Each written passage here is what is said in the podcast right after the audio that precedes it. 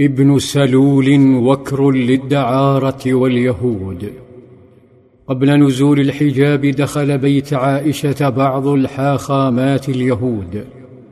وبدلا من أن يجاملوا نبي الله ورأس الدولة بادروه بألفاظ لو قالوها تلك الأيام في أوروبا لزعيم نصراني لأبيدوا.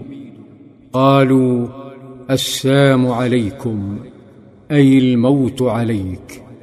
سمعت عائشة تلك الكلمة السافلة فانفجرت غاضبة وقالت وعليكم السام واللعنة. التفت صلى الله عليه وسلم إلى حبيبته فأرشدها إلى تحضره أمام ثقافة الكراهية عند الحاخامات فقال مهلا يا عائشة. إن الله يحب الرفق في الأمر كله.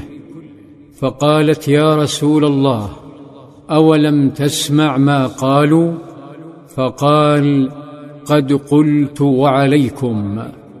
حقد اليهود على الفتاة ثم سقوا حقدهم لعملائهم وزوار حصونهم كابن سلول وأمثاله.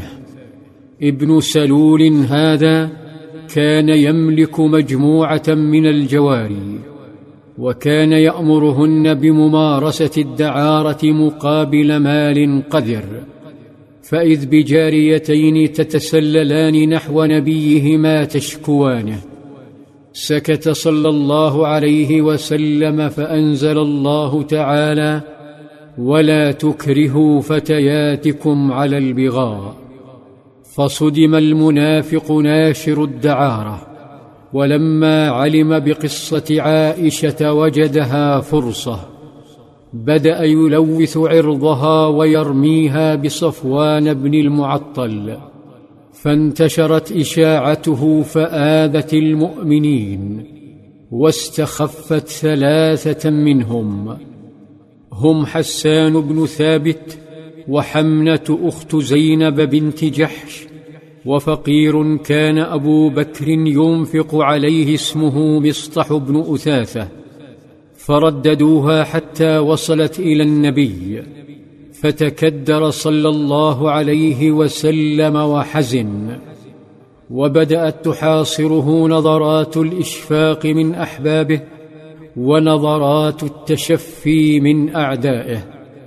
كانت عائشة طريحة الفراش ومما ضاعف مرضها تغير حبيبها صلى الله عليه وسلم فهو لم يعد يدللها كعادته عند مرضها. رابها الأمر فهل لزواجه بجويرية علاقة؟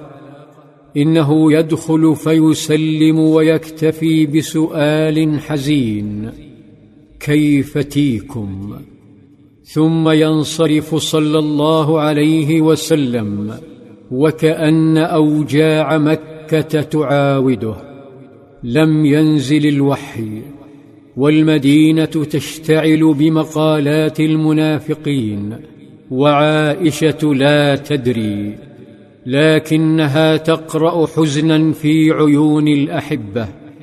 تفتقد وجوها اعتادت زيارتها.